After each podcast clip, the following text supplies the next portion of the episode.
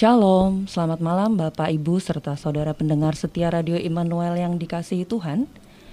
Kembali berjumpa dengan saya Lucia Nugraheni dalam acara Menjadi Murid Sejati yaitu satu acara pelajaran firman Tuhan yang akan menolong kita untuk mengerti bagaimana menjadi seorang murid Kristus yang sejati.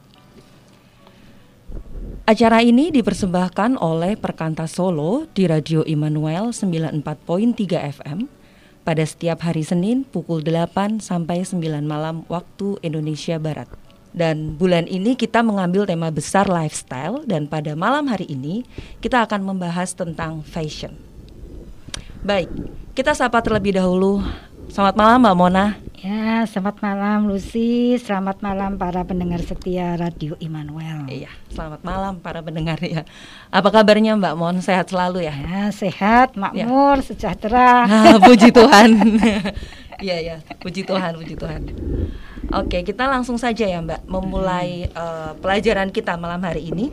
Namun sebelumnya uh, meminta Mbak Mona untuk doa pembukaan terlebih dahulu. Oke, mari para pendengar kita berdoa. Tuhan kami bersyukur, Tuhan masih memberikan kesempatan kami untuk menikmati hidup kami.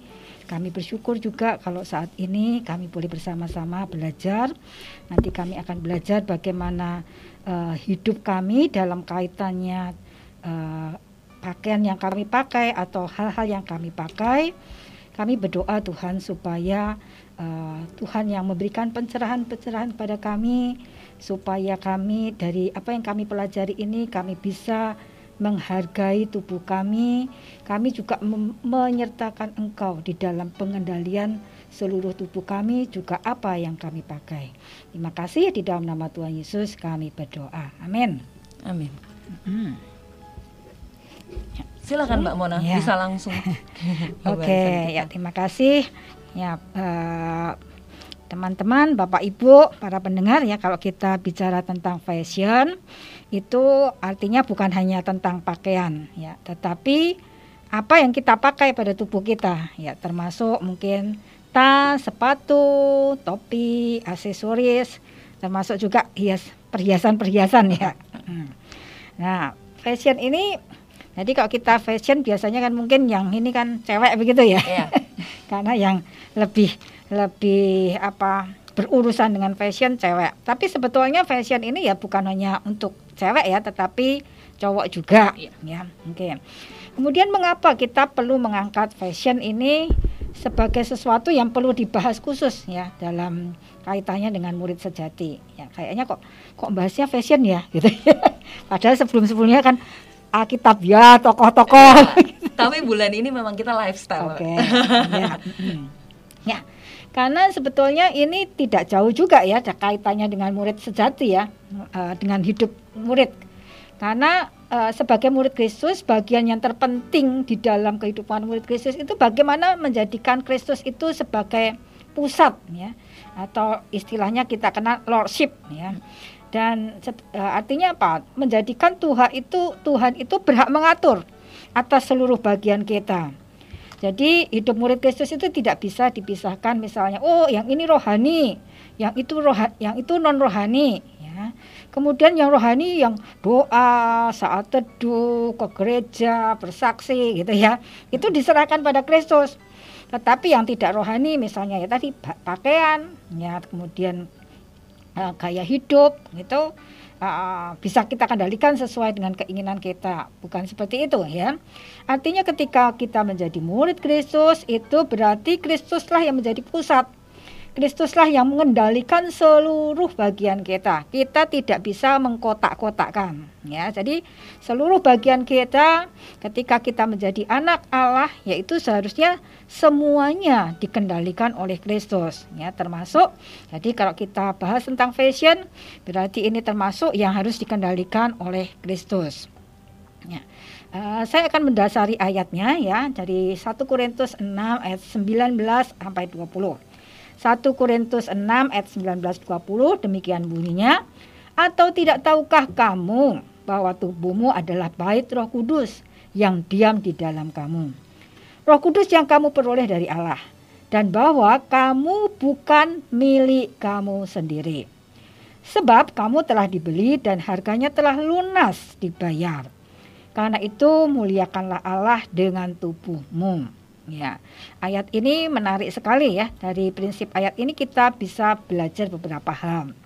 Yang pertama kita diingatkan bahwa tubuh kita itu bukan milik sendiri, bukan milik kita sendiri, gitu ya. Karena tubuh kita itu sudah dibayar lunas oleh kematian Kristus. Jadi uh, kita harus ingat ya bahwa tubuh kita bukan milik kita sendiri. Kemudian yang kedua adalah tubuh kita itu adalah bait Roh Kudus. Jadi Roh Kudus ada di dalam kita. Di mana pun kita pergi, Roh Kudus itu ada di dalam kita. Apa pun yang kita pakai, itu Roh Kudus ada di dalam kita, ya. gitu ya. Kemudian yang ketiga adalah keinginan Tuhan atas tubuh kita itu digunakan untuk memuliakan Tuhan. Hmm. Ya, jadi ini tiga prinsip yang penting yang bisa menjadi alasan nanti eh, dasar kita uh, berpikir atau memikirkan tentang fashion, ya. Jadi uh, karena dikatakan bahwa tubuh itu bukan milik kita sendiri, artinya berarti kita tidak boleh seenaknya sendiri ya, hmm. uh, membawa tubuh kita ke mana, kemudian memakaikan apa pada tubuh kita, kita tidak bisa seenaknya sendiri. Ya, karena itu konsekuensinya kita harusnya bertanya ya, ketika uh, akan menggunakan tubuh kita untuk sesuatu hal, kita harusnya bertanya, ya Tuhan boleh nggak tubuhku ini gunakan untuk melakukan ini? Begitu ya.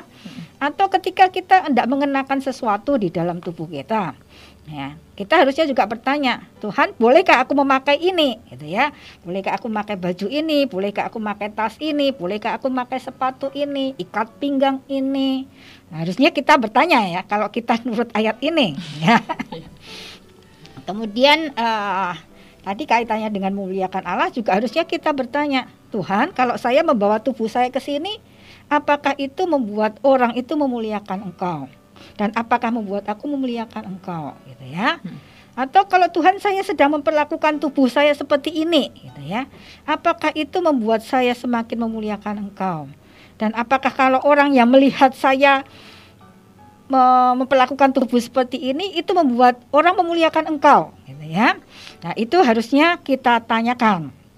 Nah, itu prinsip prinsip-prinsip yang penting ya. Nah, kemudian uh, ayat yang lain kita akan baca dari 1 Petrus 3 ayat 2 sampai 4. Perhiasanmu janganlah secara lahiriah, yaitu dengan mengepang-epang rambut, memakai perhiasan emas, atau dengan mengenakan pakaian yang indah-indah. Tetapi perhiasanmu ialah manusia batiniah yang tersembunyi dengan perhiasan yang tidak binasa, yang berasal dari roh yang lemah lembut dan tentram yang sangat berharga di mata Allah. Ya, dari ayat ini bukannya berarti kita nggak boleh ngipang-ngipang rambut. dan nggak boleh pakai perhiasan atau nggak boleh pakai pakaian yang indah. Nanti kita pakainya daster terus yeah. gitu ya. Kemudian rambut kita wes awal-awal begitu ya, bukan seperti itu. Tetapi ayat ini mengingatkan yang bahwa yang lebih penting itu adalah bukan yang lahiriah begitu ya. Hmm tapi yang lebih penting itu adalah manusia yang batinia. Jadi harusnya uh, kita tidak mengandalkan kecantikan kita pada tadi dikepang-kepang, hmm. kemudian perhiasan yang uh, macam-macam gitu ya. Tidak mengandalkan uh, kecantikan itu pada itu gitu ya. Tetapi utamakan bahwa yang yang eh, ke, yang di dalam dulu gitu ya supaya kekanca, ke, kecantikan itu muncul dari dalam ya atau apa inner beauty gitu ya hmm. istilah yang terkenal ya. Jadi kecantikan itu munculnya dari dalam ya. Jadi uh, dari ayat ini kita bisa mendapat prinsip ya bahwa tubuh kita itu terdiri dari manusia lahiriah itu yang kelihatan dari luar gitu ya. Tetapi eh, dan juga manusia batinia itu yang tidak kelihatan. Nah, yang termasuk manusia batinia itu adalah bagaimana uh, karakter kita sesungguhnya gitu ya. Yang ya, yang mungkin orang tidak lihat, mungkin orang secara kasat mata itu tidak melihat, tetapi Tuhan tahu loh yang di dalam itu, gitu ya. Nah, itu itu yang manusia batinnya. Ya, kemudian prinsip yang kedua adalah manusia baik manusia lahiriah maupun batinnya itu sama pentingnya gitu ya kan karena kita memang holistik ya satu hmm. satu bagian nggak bisa dipisah-pisah nggak bisa dipisah-pisahkan jadi sama pentingnya gitu ya Bukan artinya oh yang yang lebih baik itu yang mementingkan manusia lahiriah supaya menarik orang ya. Atau yang satu lagi oh enggak, yang penting itu kan dalamnya gitu ya. Dalamnya penting tapi kemudian kusut gitu. Bajunya kusut, bau. Iya. ya, bukan seperti itu ya. Tetapi uh, apa? Sama pentingnya, tetapi yang diperlu diperhatikan adalah jangan sampai waktu, uang, energi hmm. itu hanya untuk yang lahiriah tadi. Yeah. kita nabung begitu untuk wah baju-baju yang bermerek begitu ya, hmm. atau nabung untuk wah ke salon lama atau hmm. apa ya. Uh, tetapi yang batinilah batiniahlah itu dulu yang perlu diperhatikan ya karena dikatakan tadi itu yang berharga di mata Allah hmm. ya. Jadi seharusnya fokus kita pada manusia batiniah supaya dengan kalau manusia batiniahnya itu kuat ya itu akan memancarkan ya mema dari dalam itu akan memancarkan. Jadi kalau orang yang batiniahnya kuat, uh, batiniahnya cantik, seger gitu ya, uh, apa hidup itu akan memancar kok dari dari wajahnya gitu ya. Wajah kan sumringah, enggak apa ya, enggak jegadu, enggak bruwet nggak kusut nggak murung nggak kusut gitu. iya. Orang kan nggak judes ya mbak nggak ya? judes iya. Kalau kalau batiniahnya tidak sehat begitu ya penuh kemarahan penuh kebencian khawatir. Kan dari mukanya kan kelihatan ya. Mukanya pasti sulit tersenyum gitu ya. Sulit tersenyum gitu. Kemudian kata-katanya juga judes. Dan kemudian itu juga mempengaruhi hormon-hormon sehingga kita uh, mudah jadi tua ya. Hmm. Tadi mudah berkerut, ya mudah berkerut, mudah jadi tua, nggak segar wajahnya, kulit juga begitu, ya. Jadi kalau uh, apa? Kalau kita uh, apa? Jadi sakit yang karena stres gitu ya, hmm. karena stres, karena depresi, itu kan bisa juga kulitnya jadi gatel-gatel, kemudian juga nggak segar begitu ya. Hmm jadi ketika uh, manusia batinnya itu tidak sehat, itu akan berpengaruh kepada uh, kulit kita. Kemudian juga rambut ya. Rambut itu bisa um, ketika stres itu kan mudah rontok. Mudah rontok iya, gitu ya. Mudah rontok. Kemudian juga uh, badannya juga tidak akan segar begitu. Jadi di sini kita belajar bahwa sebetulnya uh, manusia batinnya itu penting sekali ya. Ketika manusia batinnya itu uh, segar sehat ya punya dekat dengan Tuhan hidupnya merdeka ya. Merdeka tidak tidak dipenuhi dengan ketakutan tidak dipenuhi dengan kekhawatiran tidak dipenuhi dengan marah benci ya. Karena hidupnya merdeka dengan Tuhan Nah, itu akan akan muncul pengaruhnya ya. Kata ke, ke muka, mukanya segar, kemudian rambutnya juga ya. rambutnya juga sehat, kulitnya sehat, badannya sehat itu. Ya, jadi itu prinsipnya seperti itu. Kemudian itu manusia batiniah ya. Nah, bagaimana supaya manusia batiniah itu bisa sehat, ya segar? Itu adalah memiliki relasi yang dekat dengan Tuhan, ya Nah, memiliki relasi dekat dengan Tuhan kan berarti adalah menyediakan waktu ya untuk bersekutu dengan Tuhan e, di dalam doa, merenungkan firman Tuhan. Itu penting sekali supaya itu juga menjaga e, itu akan e, juga menolong membentuk karakter kita ya. Ketika karakter kita kita bisa uh, sabar begitu ya. Itu tentu kita tidak mudah marah tidak mudah khawatir. Itu karakter kita semakin terbentuk kita serupa dengan Kristus. Kemudian juga penting tadi menjaga kesehatan jiwa. Itu yang manusia batiniah ya. Jadi manusia batiniah itu adalah memiliki relasi yang dekat dengan Tuhan. Kemudian menggunakan semua hal yang terjadi atau yang dialami itu membentuk karakter kita semakin serupa dengan Kristus. Kita menjaga kesehatan jiwa kita itu akan membentuk uh, manusia batiniah kita. Hmm. Kemudian manusia lahiriah kita bagaimana menjaganya? Yang penting adalah satu olahraga, ya. Olahraga itu penting sekali. Ya, jadi jangan sampai males olahraga, justru uh, apa? olahraga itu penting sekali. Kemudian makan bergizi, sayur, buah itu membuat kulit kita segar, tubuh kita segar. Istirahat yang cukup ya. Ketika kita banyak begadang, istirahatnya uh, sedikit itu pengaruh juga kepada uh, kulit, ke muka itu pengaruh ya. Kemudian menjaga kebersihan, menjaga kebersihan, kemudian uh, apa kebersihan seluruh tubuh ya. uh, baik itu rambut, tubuh, alat kelamin itu perlu dijaga ya supaya tetap bersih. Kemudian merawat merawat dan menghiasi uh, tubuh kita sesuai dengan fungsinya. Yang penting fungsinya itu dulu yeah. ya. Jadi fungsinya uh, baju itu adalah untuk melindungi, melindungi tubuh kita. Berarti kan kita perlu supaya fungsi itu tercapai dulu. Jangan sampai karena keindahan tapi tidak mencapai fungsinya gitu ya. Kemudian juga itu memperindah penampilan. Jadi jangan memaksa kalau nggak sesuai dengan bentuk tubuhnya ya jangan dipaksa yeah. dengan model yang itu ya. Walaupun itu up to date gitu ya, ya. Iya. Tapi kalau nggak cocok ya jangan maksain. Iya, nanti malah jadi lucu-lucu. Nggak enak dilihatnya ya.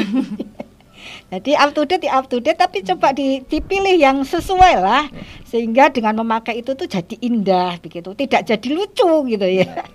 Ya, ya, jadi itu itu prinsip-prinsipnya yang bisa saya bagi. Oke Mbak, kita langsung mulai saja ya Oke. sesi pertanyaannya supaya lebih dalam lagi ya, dan lebih detail lagi ya tentang fashion ini. Mm -hmm. Tadi kan kita sudah belajar nih prinsip-prinsipnya ya dari dasar ayat Alkitabnya bagaimana sih fashion itu gitu. Nah, mm. ini ada pertanyaan.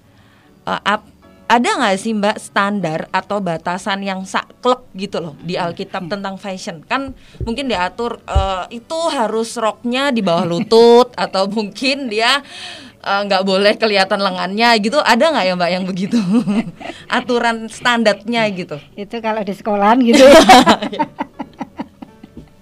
Ya, eh, jadi tidak semua hal-hal praktis itu diatur sampai detail gitu ya sama Alkitab nanti tebal sekali segitu aja kita malas baca iya, apalagi. Jadi eh, tidak tidak praktis sampai detail seperti itu, tetapi kita bisa belajar dari prinsip-prinsipnya. Ya, misalnya tadi yang kita, sudah kita bahas ya. Jadi Tuhan ingin dengan tubuh kita itu kita memuliakan Tuhan begitu. Nah, dari prinsip ini bisa menjadi dasar pemilihan fashion kita, hmm. gitu ya.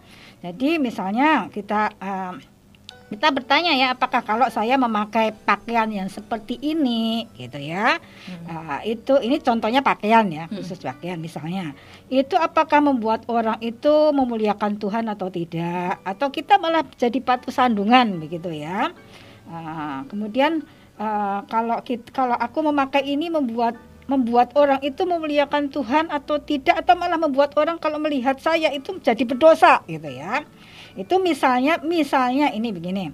Misalnya kita perempuan, kalau laki sih nggak nggak banyak pengaruhnya ya kalau laki ya. ya tapi kayaknya sekarang laki juga ada model-model yang gitu ya? agak ya, ya tau lah mbak kadang-kadang ada kan ya model yang karena kan sekarang tuh kayak apa ya model unisex gitu nah banyak kok laki-laki juga ada.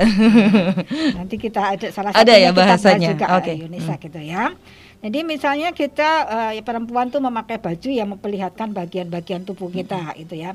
Itu bisa mas, misalnya baju yang ketat gitu ya sehingga uh, setiap tonjolan-tonjolan tubuh kita itu kelihatan. Jadi mungkin rapet yeah. rapet ya rapet tapi ketat begitu nah jadi tonjolan-tonjolannya kan bisa kelihatan atau eh, rapet tapi tipis menerawang begitu ya hmm. jadi kan juga bisa melihatkan atau atau terlalu minim ya misalnya dadanya terlalu bawah atau uh, terlalu pendek misalnya begitu ya. hmm Nah mungkin kita yang memakai itu ya mungkin biasa-biasa aja ya yeah. kita tidak merasakan sesuatu. Nah tapi kita harus ingat ya pria itu kan mudah terangsang ketika hmm dia melihat begitu toh. Nah, nah kita kan nggak bisa menyalahkan sama pria itu kan, nggak boleh lihat gitu kan. Hmm. Nah kalau kita nggak mau dilihat ya di kamar aja gitu yeah. kan, di kamar aja ditutup terserah itu. Tapi ketika kita ada di tempat umum, kita kan tidak boleh menyalahkan orang ketika orang itu melihat kita kan, gitu. Yeah. Nah, misalnya kita sedang berjalan di tempat umum begitu. Nah, yang melihat itu kan macam-macam ya, Lus. Mm -mm. Ya.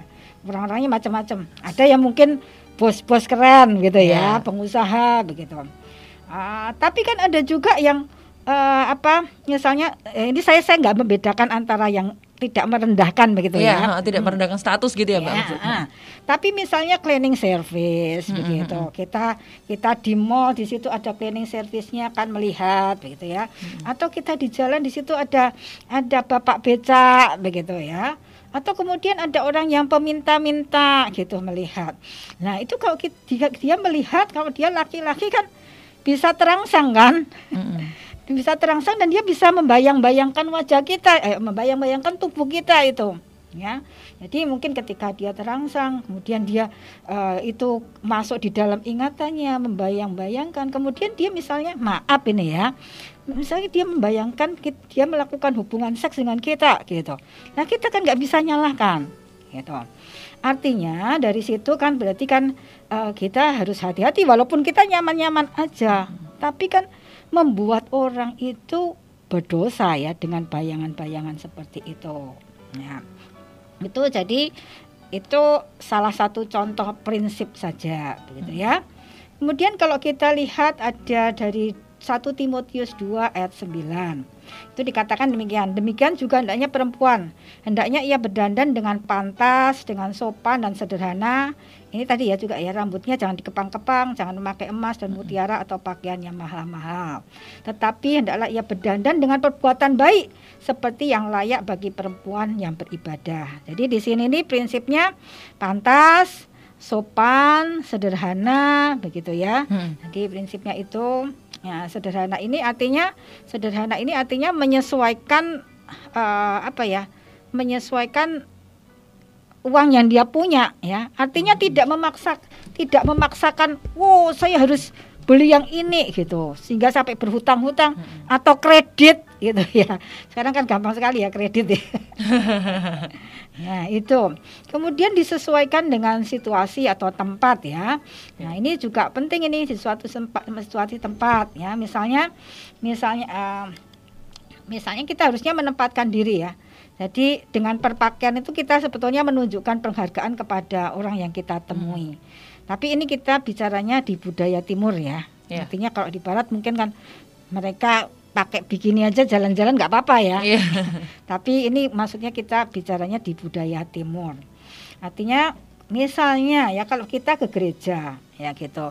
Ke gereja kita beribadah kepada Allah kan kita berarti kan saya sedang menghadap Allah begitu kan ya. Kita perlu memperhatikan cara kita berpakaian ya. Jadi jangan juga sak-sae begitu ya, kaos oblong, mungkin kaosnya lusuh begitu ya. Hmm. Celana pendek, pakai sendal begitu ya uh, artinya itu kita harusnya sadar uh, membawa kesadaran saya ini sedang beribadah gitu ya.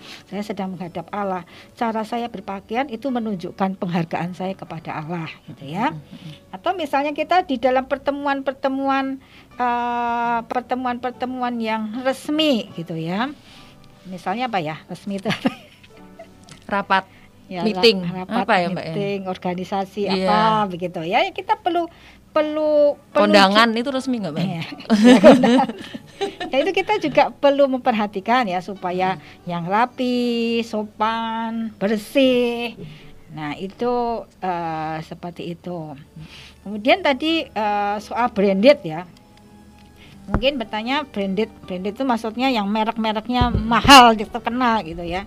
Nah kadang kita tahu di mall-mall tertentu tuh ketika ada itu sampai antri-antri gitu ya. Yeah. berani ada tas itu sampai antri-antri dilakoni antri-antri gitu ya. Nah boleh tidak gitu ya. Uh, itu tergantung motivasi dan kondisinya ya. Ya. Hmm. motivasinya itu artinya begini.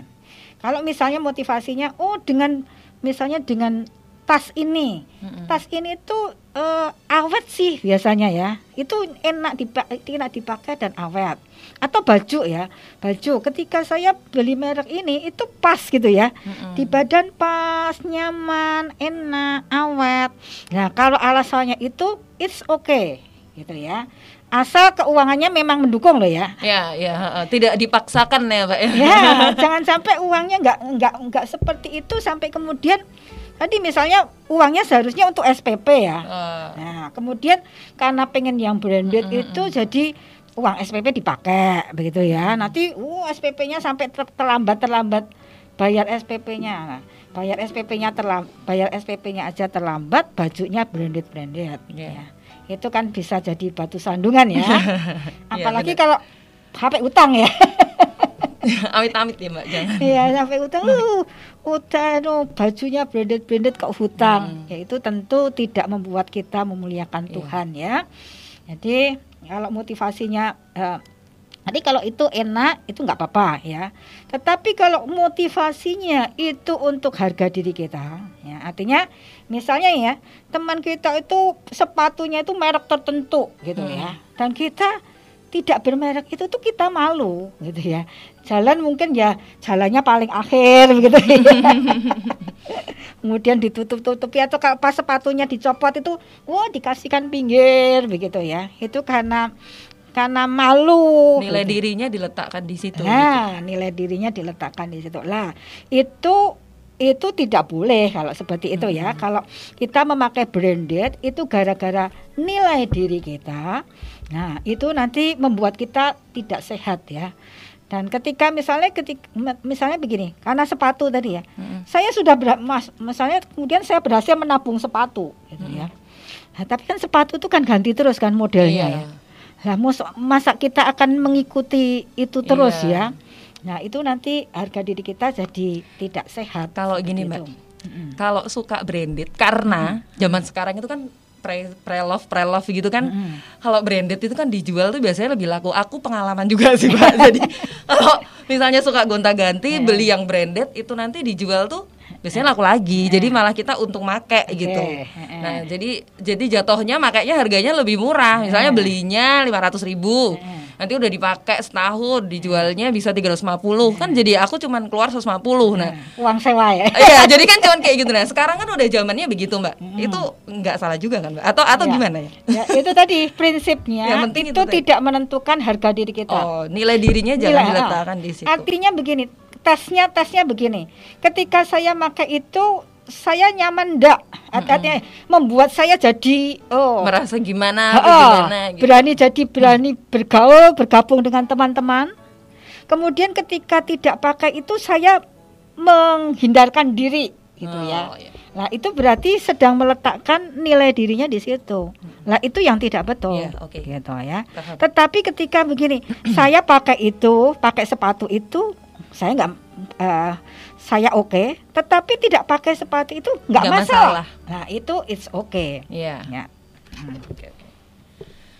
Oke, berarti batasannya itu tadi ya, Mbak ya, di letaknya nilai diri tadi ya, Mbak. Hmm, Oke, nilai terus diri dan uangnya memang ada, ada harus nggak memaksakan ya, Mbak.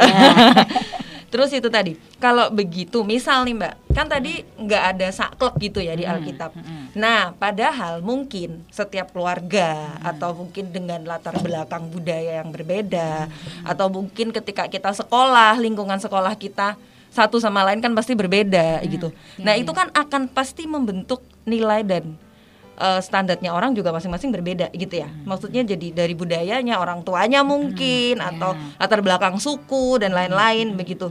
Atau lingkungan kerjanya lagi atau lingkungan pergaulannya karena dari SD, SMP, SMA, kuliah itu akan mempengaruhi. Nah, kalau begitu tuh eh, bagaimana ya batasan tersebut itu nanti akhirnya diterapkan. Jadi kan pasti beda-beda kan masing orang-orang, Mbak. Ah, ah. Hmm, nangkap ya, Mbak maksudnya. Misalnya aku Mm-mm, Eh, ya. ini aku nggak sedang ras ya, Iya, misalnya orang Jawa sama mungkin orang Chinese gitu ya Mbak, pasti kan akan beda cara mereka eh, nilainya atau caranya dari dulu berpakaiannya atau mungkin orang Jawa cara makannya juga di tempat mana, nah itu kan berbeda ya Mbak. Nah kebetulan mungkin aku sekolah dari dari SD, TK, SMA di swasta yang pasti akan mempengaruhi nilai-nilaiku nggak sama kayak kalau aku sekolah di sekolah negeri eh, yang kayak gitu kayak gitu. Pasti kan akan beda. Nah kayak gitu tuh dibenturkan sama firman Tuhannya jadinya gimana? Ya atau balik lagi ke hati? Ya balik ke hati tadi ya. Artinya sebetulnya eh, tadi yang penting adalah nilai diri tidak diletakkan Mm. di situ. Harga diri kita tidak diletakkan di situ. Kemudian eh, misalnya misalnya pengaruh dengan lingkungan ya dengan lingkungan itu juga kita perlu artinya begini bukan sedang untuk saya nyaman atau tidak supaya saya dihargai atau tidak begitu ya tetapi supaya saya bisa masuk dan bisa memberikan pengaruh yang baik Hmm. gitu ya jadi misalnya misalnya begini misalnya Lucy sudah biasa nih ya, misalnya uh, apa dulu sekolahnya di tempat lingkungan yang memang bajunya keren-keren, kemudian uh, dandannya memang uh, stylish gitu ya. Hmm. Kemudian uh, juga kerjanya di tempat yang marketing yang memang dibutuhkan uh, penampilan yang demikian gitu ya. Nah, suatu saat Lucy harus uh, ada di tempat misalnya harus uh, harus di desa gitulah ya mm -hmm. harus di desa karena satu keperluan begitu nah kita butuhnya uh, artinya gini itu kita berpikir supaya kita bisa nyaman di antara mereka mm -hmm. tidak terjadi gap yang ting uh, terlalu jauh begitu oh, ya paham Nah, hmm. kita perlu menyesuaikan dengan mereka, yeah. begitu ya. Jadi menyesuaikan supaya kita diterima. Artinya diterima itu saya bisa memberikan Memba pengaruh oh, iya. baik, bisa hmm. membaur, bisa gitu membaur, gitu ya. bisa masuk, bisa. akhirnya bisa memberi pengaruh itu tadi ya, Mbak. Ya, ya? Nah, itu kita perlu menyesuaikan diri, hmm. gitu ya. Hmm. Itu uh, itu kalau lingkungannya berbeda ya. ya. Jadi ya, misalnya paham. suatu saat tuh sih harus pindah di satu tempat ini ya. Mm-hmm. Nah, tempat lingkungannya itu mungkin lingkungan yang uh, sederhana hmm. begitu. Nah, kita kan perlu juga menyesuaikan menyesuaikan ya. diri itu tujuannya adalah ya supaya saya bisa membaur ya. begitu. Oke, okay.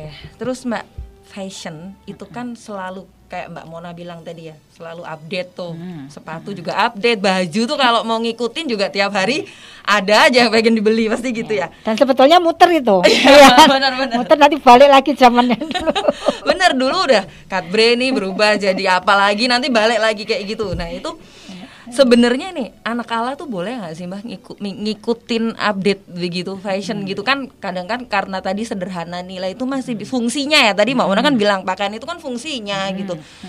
Uh, lah itu masih bisa dipakai. Kalau misal nih ketuhanan Kristus Tuhan aku pengen nih beli celana yang baru itu. Eh tapi celana aku yang gini masih bisa dipakai nih belum belum rusak sama sekali. Tapi modelnya udah jadul. Lah kan jadi aduh mesti jadi ada kayak gitu ya mbak. Nah sebenarnya boleh nggak sih ngikutin update kayak gitu tuh ya boleh aja boleh ya aja. boleh aja tadi asal asal tadi ya satu itu tetap memperhatikan kesopanan hmm. gitu ya tidak ini kalau baju ya, hmm. ya uh, jadi kalau khusus baju kan berarti harus memperhatikan juga kesopanan, tidak menunjukkan bagian-bagian uh. tubuh, tetap itu ya. ya. Jadi update boleh-boleh aja.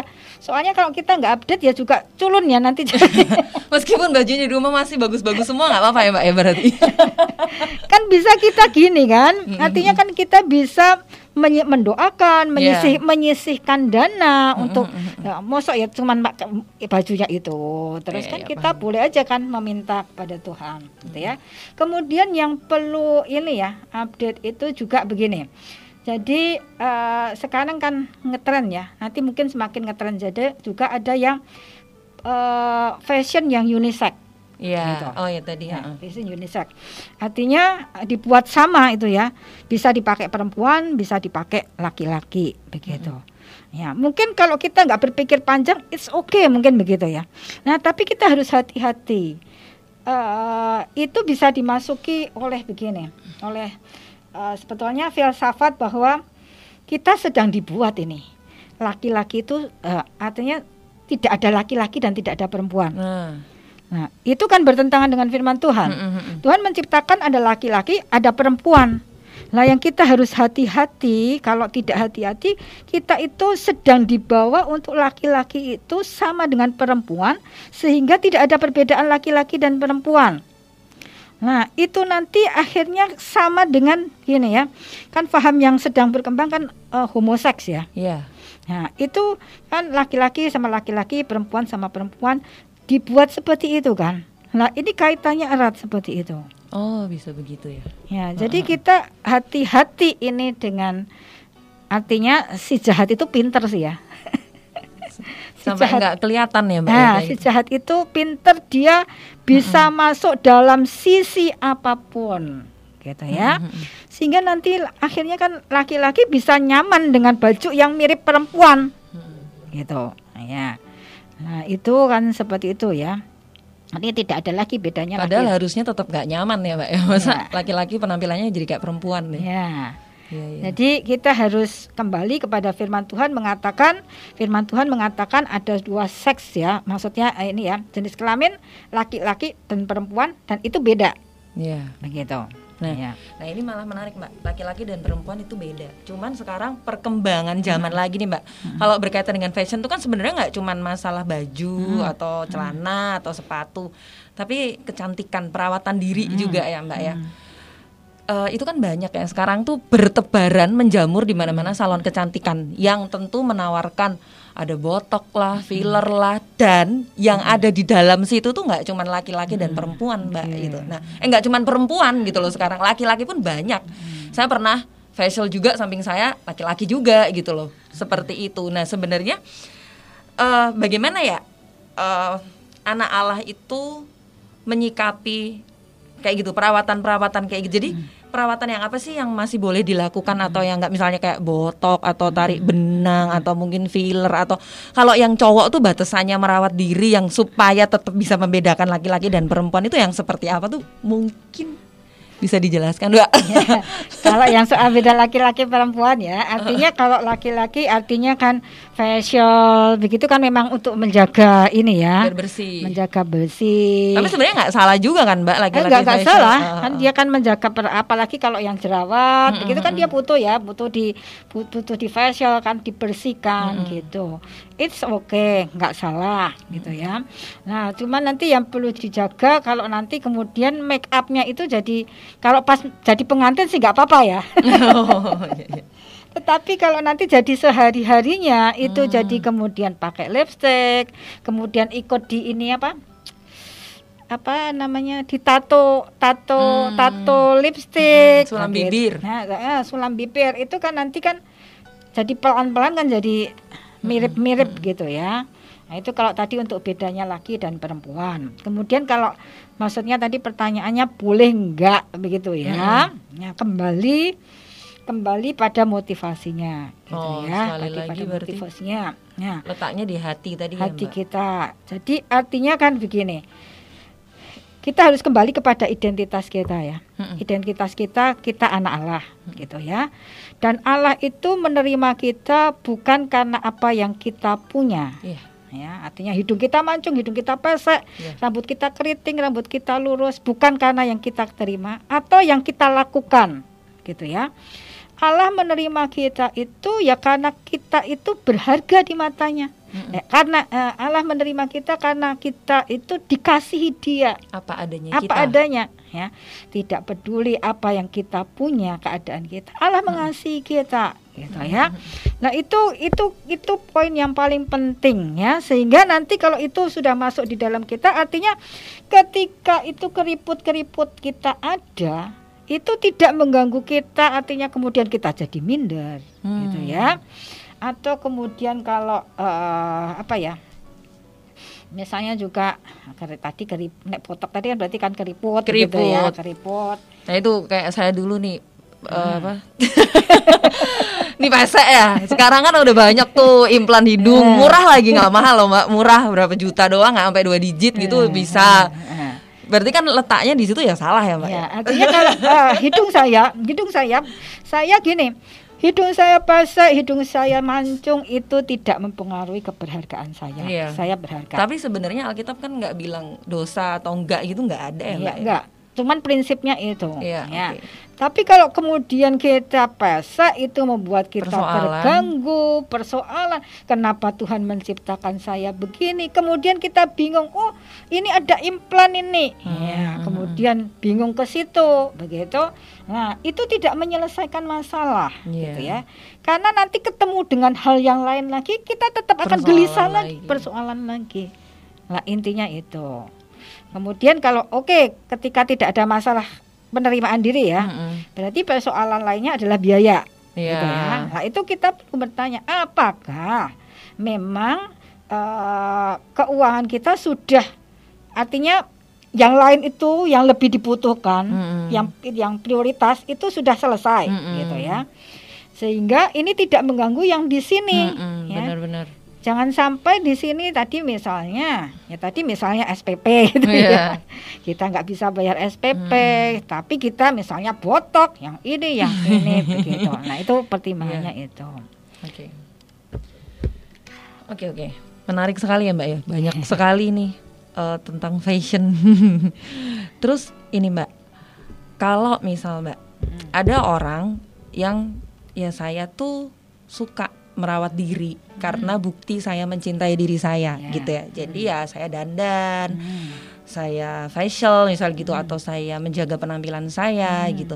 Tapi ada orang lagi yang di sisi lain dia justru merasa gini, aduh ngapain sih aku boros nih, mesti jadi merasa berdosa ketika dia eh, menjaga penampilannya karena merasa ya aku boros, ini kan uangku bisa nih buat yang lain, mungkin uangku lebih baik tak kasihkan orang yang butuh gitu. Sedangkan yang satunya ya mungkin ngasih tapi tetap ada pikiran kayak gitu tadi loh mbak. Nah, nah kalau kayak gitu tuh menengahinya gimana? Kan ada ya orang-orang yang begitu mbak. Jadi kalau ketika dia mau beli baju aja rasanya berpikirnya bisa seribu kali karena ah, aku dosa nggak ya? Atau mungkin jangan-jangan aku boros, aku atau sedang gimana ya gitu. Sedangkan satu lagi ya nggak apa-apa biar aku merasa terpeli biar orang melihat ya aku kan dipelihara Tuhan gitu. Aku mengasihi diriku makanya aku merawat diri. Nah kalau kayak gitu tuh gimana mbak? Hmm. Ya prinsipnya kan begini. Prinsipnya kita itu ya harus merawat diri kita. Ya, supaya tadi tidak klomrot, tidak bau, tidak kumuh. Ya, itu kan artinya kan kita tidak sedang merawat gitu ya. Berarti kan kita memang penting untuk merawat. Iya Nah, karena kita itu penting merawat, kita tahu itu kan kita bisa mendoakan ya Hmm. untuk dananya gitu Hmm. ya, untuk dananya didoakan, disisikan, betul. Jadi juga tidak perlu merasa bersalah ketika saya itu merawat mengeluarkan uang untuk merawat diri Hmm. saya. Jangan merasa bersalah. Jadi tetap seimbang. Oke, kalau saya harus memberikan orang lain ya saya memberikan orang lain. Saya memang mendoakan Iya. uangnya. Saya posnya ini untuk orang lain.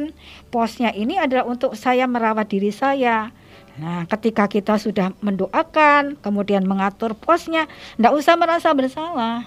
Karena ini memang bagian tanggung jawab saya merawat tubuh saya. bukan berarti tidak rohani ya mbak ya berarti kan ketika Iya, tadi Kayak kan gitu kita kan Mm-mm. ada manusia kita memang harus holistik ya. iya Manusia batiniah, manusia lahiriah. Mm-mm. Ya, manusia batiniahnya harus cantik, tetapi juga keluarnya juga harus kelihatan cantik toh ya. Iya, iya, Jadi iya. itu manusia batiniah itu memancarkan kecantik, memancarkan kecantikan, eh memancarkan gini ya, membawakan membawa kesadaran Mm-mm. untuk bisa menjaga diri. Kemudian manusia batiniah itu akan menolong kita mengerti mana yang baik untuk saya, mana yang tidak baik untuk saya, Iya. apa yang tepat untuk saya, apa yang tidak tepat untuk Iya. saya. Jadi manusia batiniah itu penting dibangun Iya. supaya kita bisa merawat manusia jasmaniah kita tepat iya seperti yang Tuhan mau. Oke paham. Jadi kalau misalnya kita punya persekutuan sama Tuhan, Mhm, pasti akan kerasa ya Mbak damai Ya. sejahtera apa enggak. Ya. Misal contohnya gitu ya. Mhm. Ketika aku begini, eh, Roh Kudus nek nggak bener pasti bikin nggak damai sejahtera. Ketika Ya. kita merawat batiniahnya bisa begitu ya Mbak ya. Ya. Makanya bisa tepat tadi Mbak Mona Ya. bilang. Oke. Hmm, menarik sekali ini Mbak pembahasannya hari ini. Cuman nggak nggak nggak terasa ya Mbak ini udah mau jam 9 Boleh kalau sebelum penutup eh, sekali lagi waktu yang membatasi pertemuan kita dan pelajaran kita setiap hari Senin itu selalu dibatasi oleh waktu.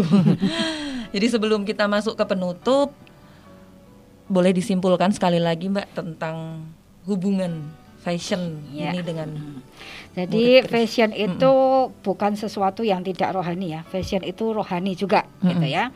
Artinya ketika kita menjadi anak Allah, maka tubuh kita itu bukan milik kita sendiri. Artinya eh, bukan tubuh kita itu bukan milik kita sendiri. Tuhan ingin kita memuliakan Dia eh, melalui tubuh kita, baik tubuh ma- eh, manusia batinnya maupun manusia rohania. Ya, karena itu sebagai murid Kristus kita perlu menempatkan Tuhan itu sebagai pusat untuk mengendalikan uh, manusia lahiriah kita, jas, uh, batiniah kita juga jasmaniah kita. Ya, jadi uh, fashion ini tidak berdiri sendiri. Ya, fashion itu tetap bagian yang harus dikendalikan kepada Tuhan. ya Kita perlu bertanya apakah uh, saya sedang menggunakan sesuatu yang membuat orang memuliakan Tuhan, membuat saya memuliakan Tuhan, atau membuat batu sandungan. Oke. Okay. Baik para pendengar semua yang dikasih Tuhan, uh, kita sudah belajar malam hari ini tentang faith. Ya, demikian tadi Bapak, Ibu serta saudara pendengar setia menjadi murid sejati. Pelajaran kita sudah berakhir. Namun jangan lupa kita akan berjumpa lagi minggu depan tetap di hari yang sama dan gelombang yang sama 94.3 FM. Selamat malam dan Tuhan Yesus memberkati.